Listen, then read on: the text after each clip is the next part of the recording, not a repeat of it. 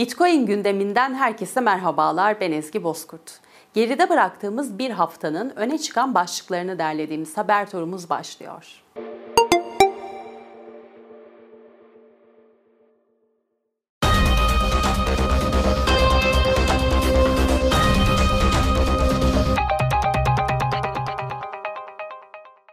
Bitcoin madencilik şirketi Iris Enerji, şirketin borçlarını karşılayamaması sebebiyle Bitcoin madencilik makinelerini kapatma kararı aldı.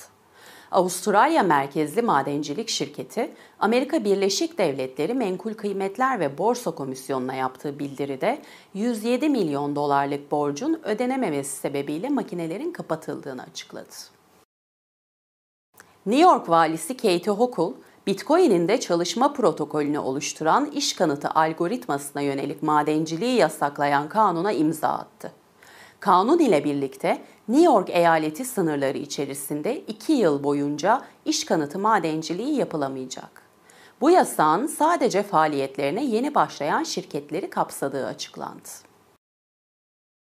Geçtiğimiz günlerde iflasını açıklayan kripto kredi platformu BlockFi'nin iflas etmesinin arkasında yer alan sebepler yavaş yavaş ortaya çıkmaya başladı.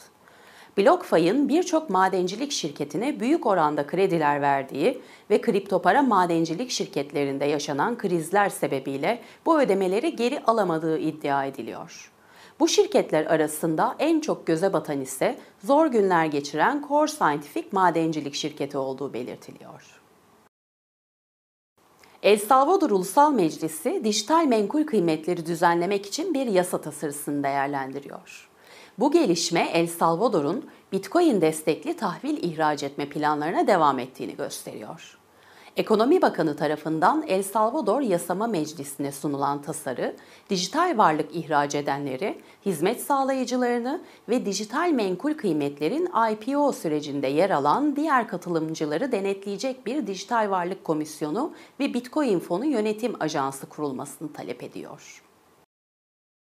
Bitcoin fiyatında yaşanan düşüş trendi Bitcoin madencilerini ve Bitcoin madencilik şirketlerini zor durumda bırakmaya devam ediyor.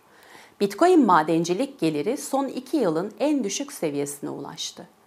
Bitcoin madencilik zorluğu da tüm zamanların en yüksek seviyesi olan 37 trilyona yaklaştı. Zincir üstü analitik platformu Glassnode'un açıkladığı verilerde Bitcoin varlıklarının değeri 1 milyon doları geçen yalnızca 23 bin cüzdan olduğu belirtildi. 2021 yılında Bitcoin'i resmi para birimi ilan eden El Salvador'da Bitcoin odaklı yatırımlar devam ediyor. Ülkedeki ilk ulusal Bitcoin ofisi açıldı.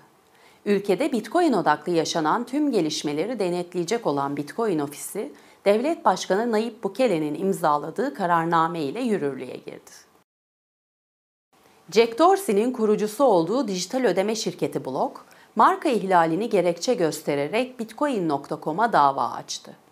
Mayıs 2022'de piyasaya sürülen Verse jetonunun ticari marka ihlalini oluşturması ve Alman ticari marka yasası uyarınca ihlal teşkil etmesi sebebiyle blok, Bitcoin.com'a karşı yasal işlem başlattı.